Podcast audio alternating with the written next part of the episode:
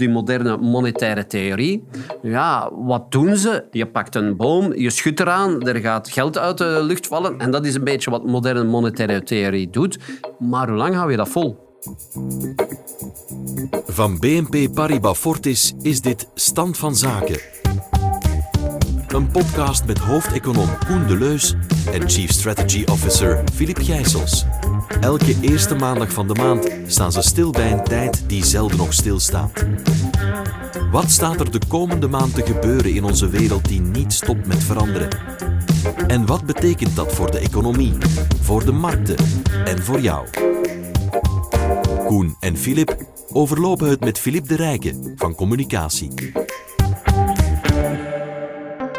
Hey, dag Koen, dag Filip. Leuk dat uh, we weer eens met z'n drieën in deze studio mogen zitten. Konnichiwa, Filip ehm, San. Koen-san. Uh, dag. Uh, ja, ik ben overdonderd, sorry. Oké, okay, geen dag, probleem. We gaan het vandaag hebben over ja, Japanisering. En we stellen onze vraag, gaat Europa diezelfde kant uit? Want Japan kent al drie decennia lang een situatie van minimale groei.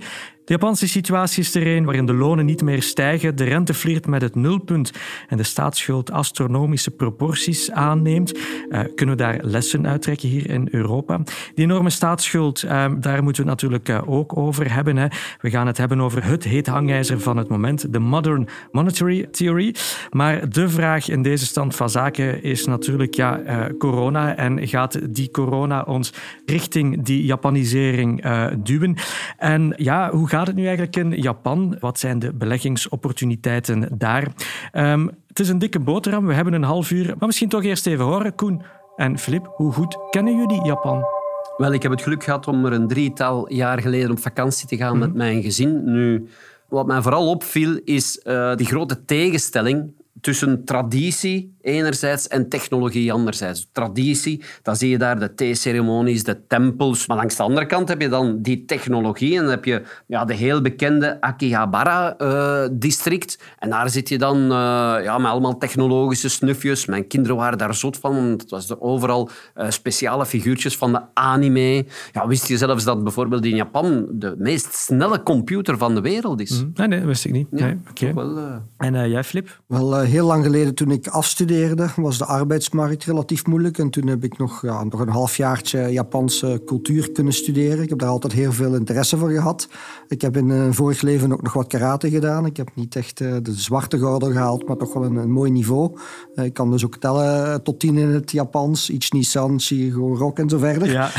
Um, en natuurlijk ook vanuit beleggingsperspectief ja, denk ik dat dat sowieso een heel mooi voorbeeld is van een beurs die, die eigenlijk vele jaren geleden zijn top bereikt, heel lang in een neerwaartse trend zit. Uh, nu misschien wat opportuniteiten gaat geven. Hè? Want Koen heeft het al over robotics en over supercomputers en zo. Dus ik denk dat Japan wel aan uh, ja, wereldleider is in een aantal van die dingen. Dus ik denk dat we ja, toch met heel veel uh, interesse naar dat land moeten kijken. Ja, we gaan het dus vandaag hebben over Japanisering. Waarom waarschuwen economen ervoor bij elke opeenvolgende crisis in Europa voor die Japanisering? Demografisch ligt uh, Japan 15 à 20 jaar voor op Europa. We zijn een vergrijzende maatschappij, we kunnen dat niet ontkennen. Wel, Japan is ons 20 jaar vooraf gegaan. En in zekere zin is demografie toch wel destiny. Mm Dus uh, je hebt het eigenlijk bijna niet in de hand. Je hebt het wel in de hand natuurlijk als je je geboortegraad de hoogte gaat induwen. Maar ja, de, de gevolgen zie je pas 30, 40 jaar later. En ja, anderzijds is die demography is destiny is ook niet volledig correct, want we kunnen veel van Japan leren en we weten dat in Japan de politici echt serieuze fouten hebben gemaakt. En die fouten kunnen we vermijden. Ja, fouten vermijden, Filip? Japan was aan het einde van de jaren tachtig een beetje een rolmodel voor heel de wereld. Hè. Dat was een economie die, die snel groeide. Uh, was nu een beetje het China zoals China vandaag is, dat Amerika gaat voorbijsteken. En dan ineens ja, krijg je daar een huizenbubbel. Die beurs die stijgt tot op gigantische hoogtes. Uh, zoals altijd uh, popt die bubbel en dan kom je naar beneden toe. kom je in een deflatie terecht. Wat we daar ook al uit leren waarschijnlijk is dat we voor een groot stuk, eens als zo'n bubbel barst, dat dat heel veel jaren kan duren. Dat in een bepaalde situatie zit, dat Koen heeft al aangehaald, je krijgt dan deflatie, je hebt dan ook nog een verouderde bevolking daarbij, je krijgt je schulden niet afbetaald, uh, het wordt moeilijker om de pensioenen te betalen. Dus ja, je kan heel als wereldmacht, als leider, heel snel vervallen in een toestand die minder gunstig is. En, ja, dat is misschien waar Koen op doelt, mhm, dat we dat moeten misschien op een of andere manier daar proberen lessen uit te trekken. Ja. Wat betekent dat eigenlijk heel concreet voor de Japanner, eh, Koen? Wel, zeer concreet is dat heel dat sociaal zekerheidsstelsel misschien wel niet houdbaar is. Ja. En dat creëert natuurlijk onzekerheid. Dat creëert onzekerheid bij de bevolking. De bevolking gaat meer geld opzij zetten, gaat minder consumeren. Zelfs de oudere bevolking die geen rente krijgt op hun uh, pensioen, ja, die gaan ook zeggen, ja, oké, okay, uh, hier kom ik niet meer rond, ik ga terug uh, aan de slag.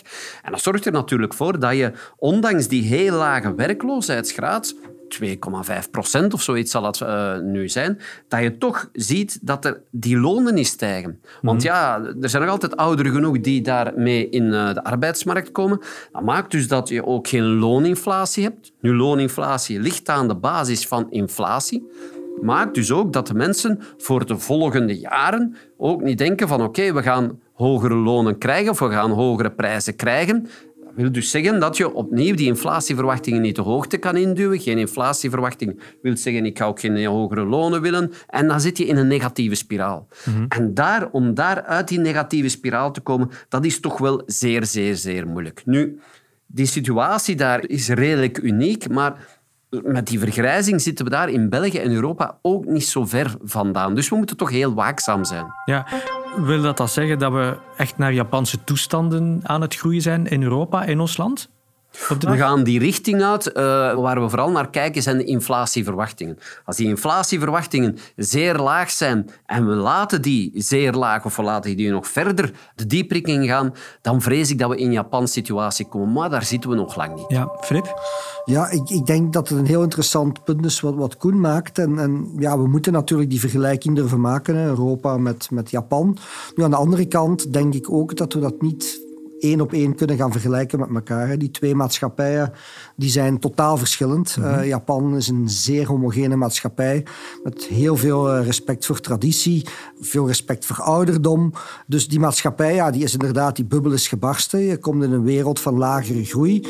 Maar Japan is geen ontwikkelingsland. Eh, in Japan staan geen soeprijen of, of dat soort dingen. Dus als je op straat wandelt in Tokio of waar dan mhm. ook, dat is een maatschappij die goed functioneert. Zeer welvarend. Uh, zeer welvarend, ook heel veel nieuwe technologieën.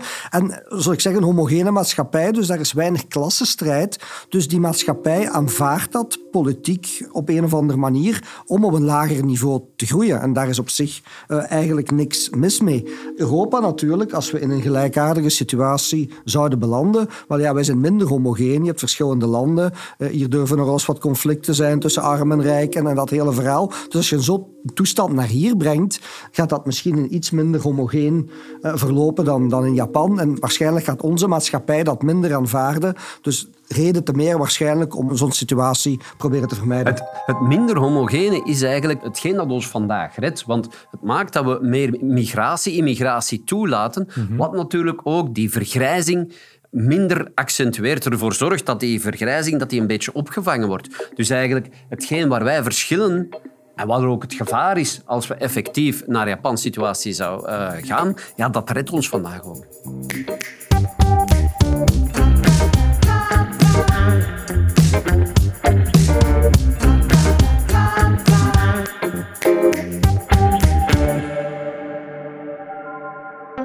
Ja, naast de verschillen zijn er natuurlijk ook gelijkenissen tussen uh, Europa en Japan. Wat zijn uh, volgens jou, Koen, de belangrijkste parallellen tussen de situatie in Japan en die in Europa? Wel, er zijn er veel, maar als ik er dan toch drie moet uitkiezen, mm dan is het één, de bevolkingsaangroei of daling, want in heel wat Europese landen is er effectief een daling van de bevolking, moest het niet zijn voor migratie. Ten tweede heb je daar de 65-plussers, de ouderen, ook de 80-plussers die serieus toenemen. Dat zet mhm. een serieuze druk op de sociale zekerheid. En ten derde heb je natuurlijk die lage inflatie. Die inflatie die ja, toch al 10, 15 jaar niet naar de doelstelling van 2% van, uh, van de ECB, uh, die die doelstelling niet heeft geraakt. Nu, op dat vlak doet de ECB het ook nog niet zo slecht. Want je zou dan zeggen, ja, al die gelijkenissen, we zitten in een Japans scenario. Nee, want oké, die inflatie blijft wel laag. Want het belangrijkste is dat de inflatieverwachtingen niet te laag gaan zijn. Want dat was het probleem in Japan. Daar had je drie, vier jaar dat men de inflatieverwachtingen eigenlijk verwaarloosd heeft. Die waren 0% of minder. En om dat dan uit de geesten te halen van de Japanners, dat is heel moeilijk. En vandaag zie je dat in Europa, dat telkens als die inflatieverwachtingen naar beneden gaan, deze keer was het naar 0,5 procent, het dieptepunt na de pandemie, mhm. dat de ECB klaar staat om de markt met geld te overspoelen om die inflatieverwachtingen de hoogte in te doen. Ja. Als we in zo'n situatie verzeild geraken, uh, Filip, moeten we dan de geldkraan openzetten? Wel, de overheden en centrale banken kunnen heel wat doen. Hè. Dat blijkt uit wat ze doen en wat ze nog zullen doen. Nu, het is eerst denk ik belangrijk om te zien dat hè, met een beeld als we het hebben over economie of over financiële markten of wat dan ook.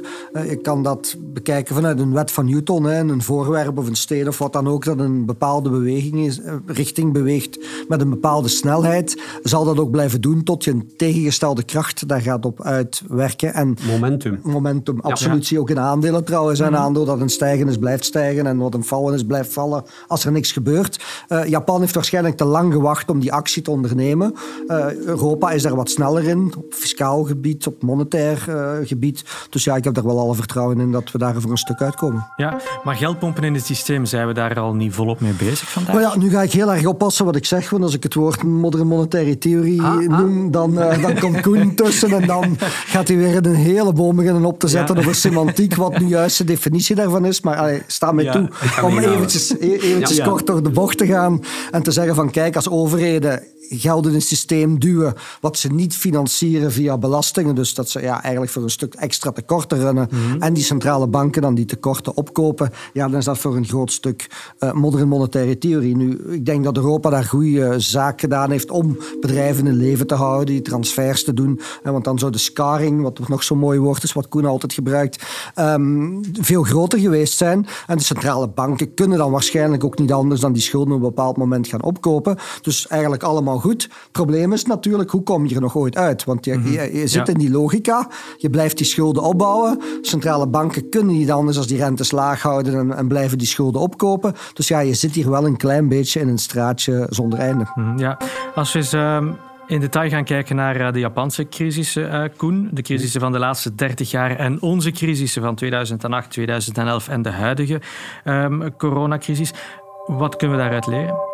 Dat je verschillende soorten crisissen hebt. Mhm. Dat je crisissen hebt met vraagschokken, crisissen met aanbodschokken en dat je de pandemie crisis hebt van vraag- en aanbodschokken. Mhm. Ja. Dat is al belangrijk. Nu, heel kort, wat is uh, crisis van aanbodschok? wil zeggen dat er ineens het aanbod er niet meer is. Bijvoorbeeld bij de pandemie, de invoer was er niet meer, omdat door de pandemie de supply chains verbroken waren. Vraagschok wil zeggen dat de vraag plots wegvalt. Ineens was er geen vraag meer naar restaurants. We konden niet naar restaurants gaan. Ja. Mhm. En het is toch wel belangrijk om te benadrukken dat in Japan de crisis vooral een vraagschok was. Een geweldige vraagschok. Hoe kwam dat? Ja, omdat op een bepaald moment de, de huizenprijzen en de aandelenmarkten een geweldige tuimeling hebben gemaakt in Japan. Ik mhm. denk dat ze er nog altijd niet van hersteld zijn. En op dat moment zie je dan dat heel veel mensen tegenover die activa, die huizen en die aandelen die zwaar in prijs uh, verlaagd zijn, dat zij daar natuurlijk geweldige schulden tegenover hebben staan. Nu, die schulden zijn niet verdwenen. Nee. En ja, wat hebben de consumenten dan gedaan? Ah, die zijn beginnen besparen. Wat hebben de bedrijven gedaan? Ah, die zijn ook uh, beginnen besparen. Niet meer geen kapitaalinvesteringen. Wat hebben de banken gedaan? Die hebben die leningen niet afgeschreven. En dat zorgt er natuurlijk voor dat je op een bepaald moment ja, je economie niet meer kan hernemen, omdat er geen consumptie, geen, geen kapitaalinvesteringen zitten. Ja, maar, maar door, door die leningen niet meer af te schrijven, hebben de banken eigenlijk het probleem voor zich uitgeschoven? Ja, en dat noemen ze dan de extend en pretend methode. Dat is bijvoorbeeld wat ook in Italië gebeurde na 2008 en de eurozonecrisis 2012. In plaats van te zeggen, oké, we gaan die leningen afschrijven, zeiden de banken, nee, nee, nee, we gaan doen alsof dat er geen probleem is bij onze klant mhm. en dan uh, gaan we die leningen doorrollen en dan moeten wij die leningen niet afschrijven in onze boeken. En dat zorgt er dan wel voor dat uh, ja, ze het hoofd boven water houden. Maar dat zorgt er natuurlijk ook voor dat hun heel hun balans nog altijd vol staat met leningen maar slechte leningen. En dat ze geen leningen, bijkomende leningen kunnen geven aan beloftevolle bedrijven. Ja.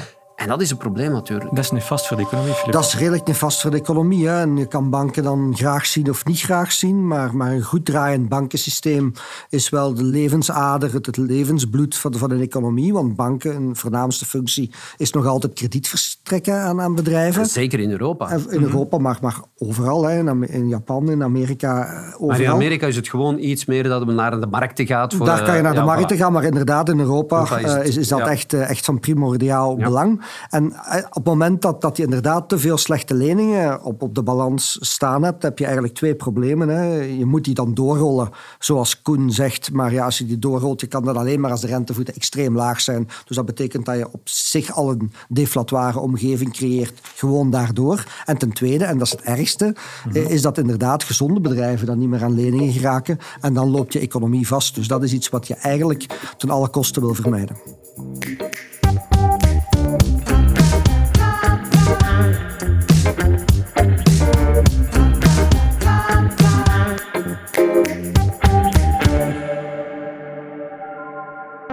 Nu, de crisis kwam er en Europa incasseerde opnieuw heel wat ehm, opdoffers. Gaat het ooit stoppen?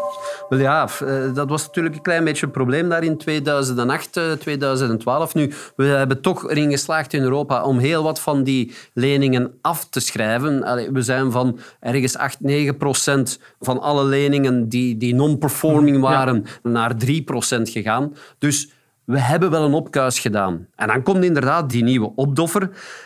Maar daar zie je dat er inderdaad weer heel veel schulden worden gemaakt, maar niet bij dezelfde spelers. En dat is heel Maar belangrijk. zaten we dan, Filip, in 2008 bijna eigenlijk aan een Japan-scenario? Wel, ik denk dat we toen dichter bij een Japans scenario zaten dan dat we vandaag zitten. Ehm, toen inderdaad zat je met heel veel slechte leningen eh, op de boeken overal, eh, vooral in het zuiden.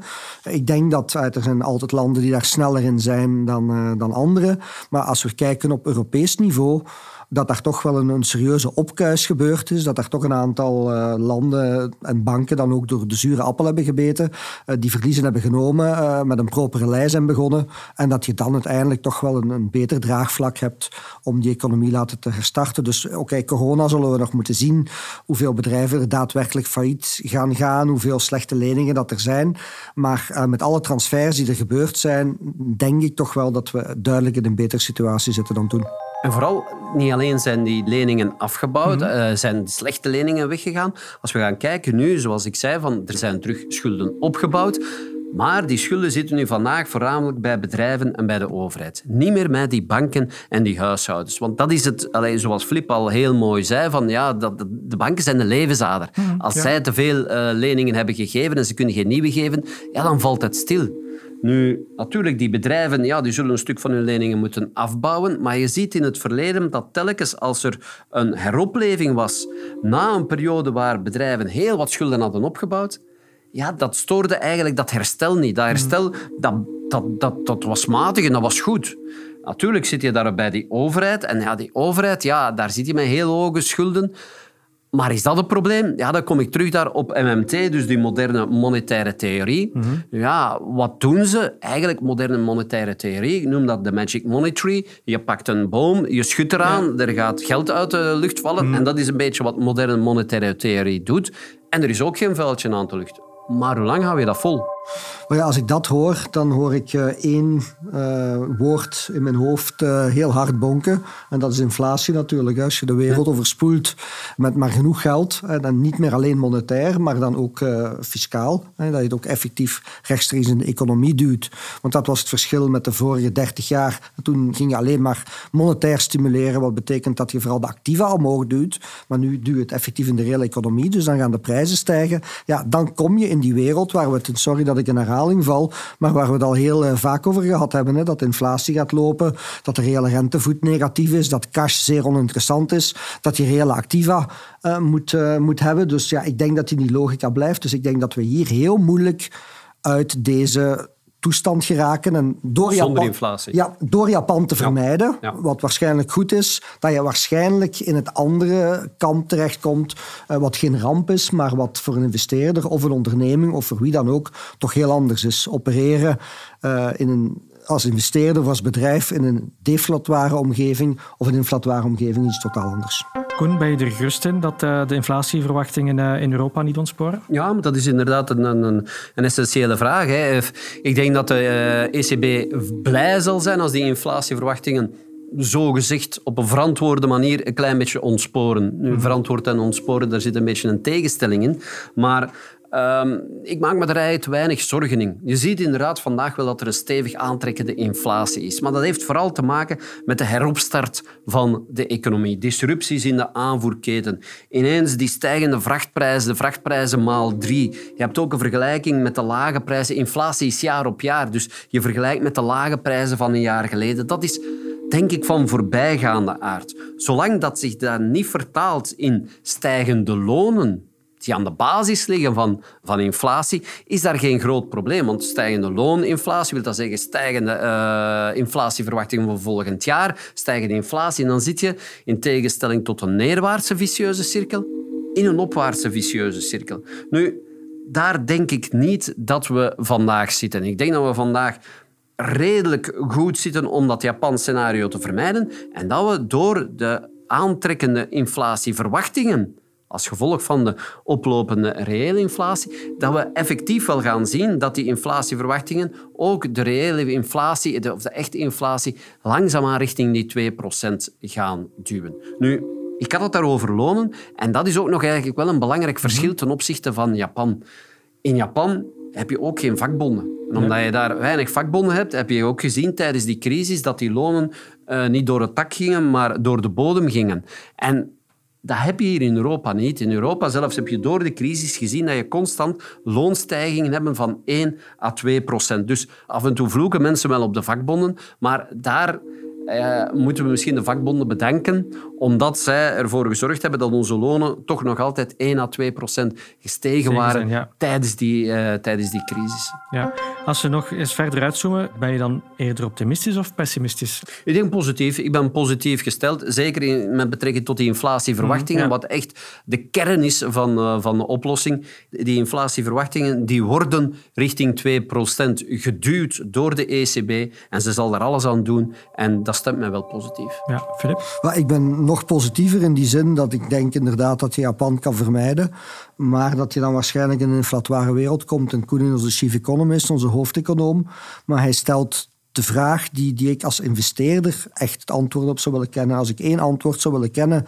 om onze beleggingsstrategie voor de komende maanden en misschien langer te gaan bepalen, is hoeveel van die inflatie is inderdaad voor voorbijgaande aard en hoeveel is structureel.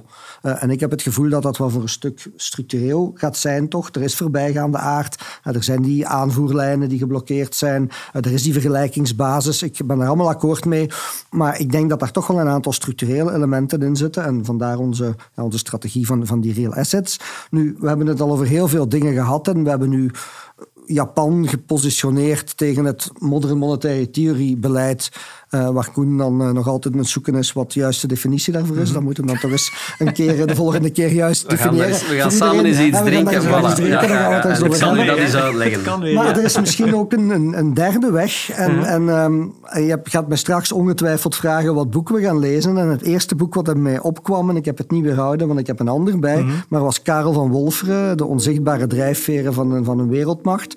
was een boek van het einde van de jaren tachtig, toen Japan op zijn hoogtepunt stond en toen uh, ja, iedere manager Japans moest leren en dat het boto was om wat van te goochelen met van die Japanse begrippen en termen uh, op cocktailparties en dergelijke. En één begrip dat me daar altijd is bijgebleven, dat is karetsu. Hmm. En karetsu, dat betekent eigenlijk, wel, je, je hebt een grote rivier en daar zitten allemaal stenen in puntige stenen. En die stenen, dat zijn de problemen. Je pakt die stenen uit de rivier, je hebt die opgelost, je laat het waterpeil zakken, je ziet weer stenen en zo verder. Dus je maakt het systeem beter en beter. Wat wij doen, we zien een rivier met stenen, we kappen daar een hoop water bij. Je ziet die stenen niet meer. Na een tijd komen die stenen natuurlijk terug naar boven en je doet zomaar verder. En dat is natuurlijk het probleem.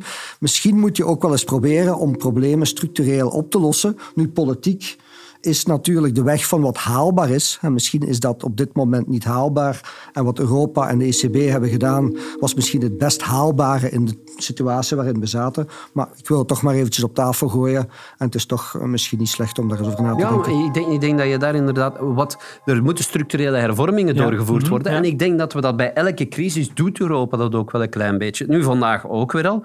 Wat wat is er deze keer eh, naar voren gekomen? Ja, deze keer zien we dat we toch weer een, een, een stap dichter komen in die fiscale unie door een, een, een gezamenlijk gefinancierd eh, herstelplan. Dus dat wil dus zeggen dat we daar weer al een grote stap voorwaarts hebben gedaan naar een verenigd staten van Europa. Europa. Mhm, ja. En dat moet ons toch wel de mogelijkheid geven om tijdens een volgende crisis weer krachtiger, meer eensgezind op te treden. Ja, conclusie, goede punten voor Europa? Ik denk het wel. Ik geef ze goede punten. En ehm, ik ben ervan overtuigd dat we, zeker in deze crisis, dat we niet teruggaan richting een Japanse situatie op voorwaarde dat we inderdaad meer de richting van MMT, van Philippe, opgaan in plaats van de oplossing van 2012 heel snel terug beginnen besparen.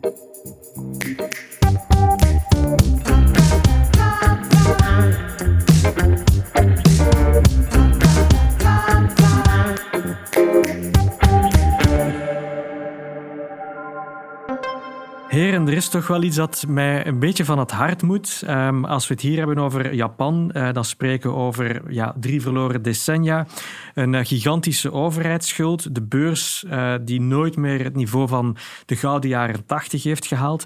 Maar Japan is natuurlijk geen ontwikkelingsland. Gaat het echt wel zo slecht met Japan? Nee, nee, Japan blijft natuurlijk een van de rijkste landen ter wereld. Af en toe dippen ze in deflatie met dalende prijzen, maar anderzijds zie je daar natuurlijk ook dat je zit met een krimp van de bevolking. Dus elke groei dat Japan heeft, moet ook verdeeld worden onder minder inwoners. Ja.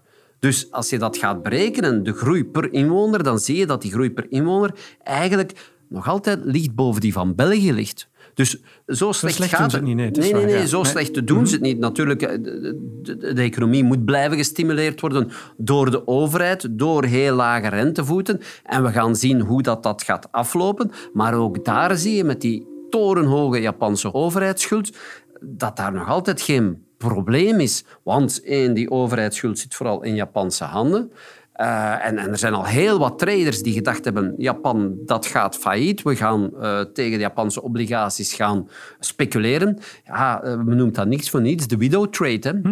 Ja. Ze Heel veel geld hebben ze daarmee verloren. Ja. Maar hoe doet eh, Japan het op de beurs? Wel, op dit moment niet zo heel slecht. Ehm, en ik zit eigenlijk een beetje likkebaarden te kijken naar die beurs. ehm, als investeerder dan. Oké, Ik wil waarom? het mij niet voorstellen. Samen, met, sa- samen met, een, met goed gezelschap van Warren Buffett en anderen Ja, die ondertussen inderdaad. daar ook redelijk aan het kopen zijn. Maar eh, wat we eerst en vooral moeten meenemen van het Japan-verhaal, als inderdaad een bubbel barst en die beurs komt onder druk, dus het einde van de jaren 80, tot op vandaag zijn we nog niet terug op dat niveau geraakt. Dus dat kan heel erg lang duren. Eh, als je het dan vergelijkt met de Nasdaq, eh, de bubbel van 2000, Ja. toen waren we in 2003, dat is maar drie jaar, eh, terug aan het stijgen. Ook, zoals Koen daar straks zei, door andere ingrepen van de overheid. We hebben dat nooit toegelaten hier in Europa en in Amerika dat we zodanig diep zakten. Maar dat is goed. Natuurlijk, Ja. wat ook meespeelt, en dan speelt dat in het voordeel van Japan, als iets zo diep valt en zo lang uitbodemt, dan heb je zo'n lange uitbodemingsfase en iedereen heeft dat opgegeven. Dus als zoiets uitbreekt naar boven toe, wel, dat is een fantastische, fantastische koopopportuniteit.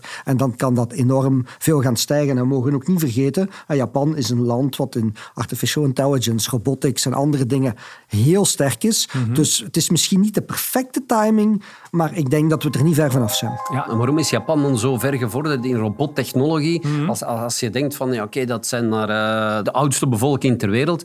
Maar ja, om die ouderen te, te verzorgen natuurlijk. Hè. Er zijn robots die die ouderen uit het bed halen, in het bed zetten en zo. Dus in die zin, ja, het blijft wel een fenomenaal land natuurlijk. Hè. fenomenaal land. En ook allee, ja, heel veel nieuwe technologieën. En ook niet te vergeten natuurlijk, heel veel van die toonaangevende Japanse land, eh, bedrijven Bedrijven, ja. zijn exporteurs. Ja, ja, die zijn veel meer afhankelijk van de wereldeconomie dan van hun eigen economie, die dan relatief eh, traag groeit. Maar, dus dat zijn toonaangevende bedrijven. Ja, en ik denk dat dat eh, hoog tijd is voor wie dat nog niet bekeken heeft, om dat toch eens eh, van, van dichterbij te ja. bekijken. Het is genoteerd, ehm, Filip. We zijn bijna aan het einde van de achtste aflevering van Stand van Zaken. En zoals elke keer is de laatste vraag voor eh, Filip. Je boekentip ehm, van deze maand. Welk boek heb je meegebracht? Ik heb er heel lang over nagedacht deze keer, Philippe. En ik heb er een aantal de revue laten passeren. Maar uiteindelijk, na lang beraad, heb Ja. ik toch, heb ik Toch, toch, ja, heb ik toch, toch gekozen ehm, eh, voor Haruki eh, Murakami. eh, een van mijn favoriete schrijvers. Mhm, ja. En ja, dat is eigenlijk een literair werk. eh, Moord op Commendatore.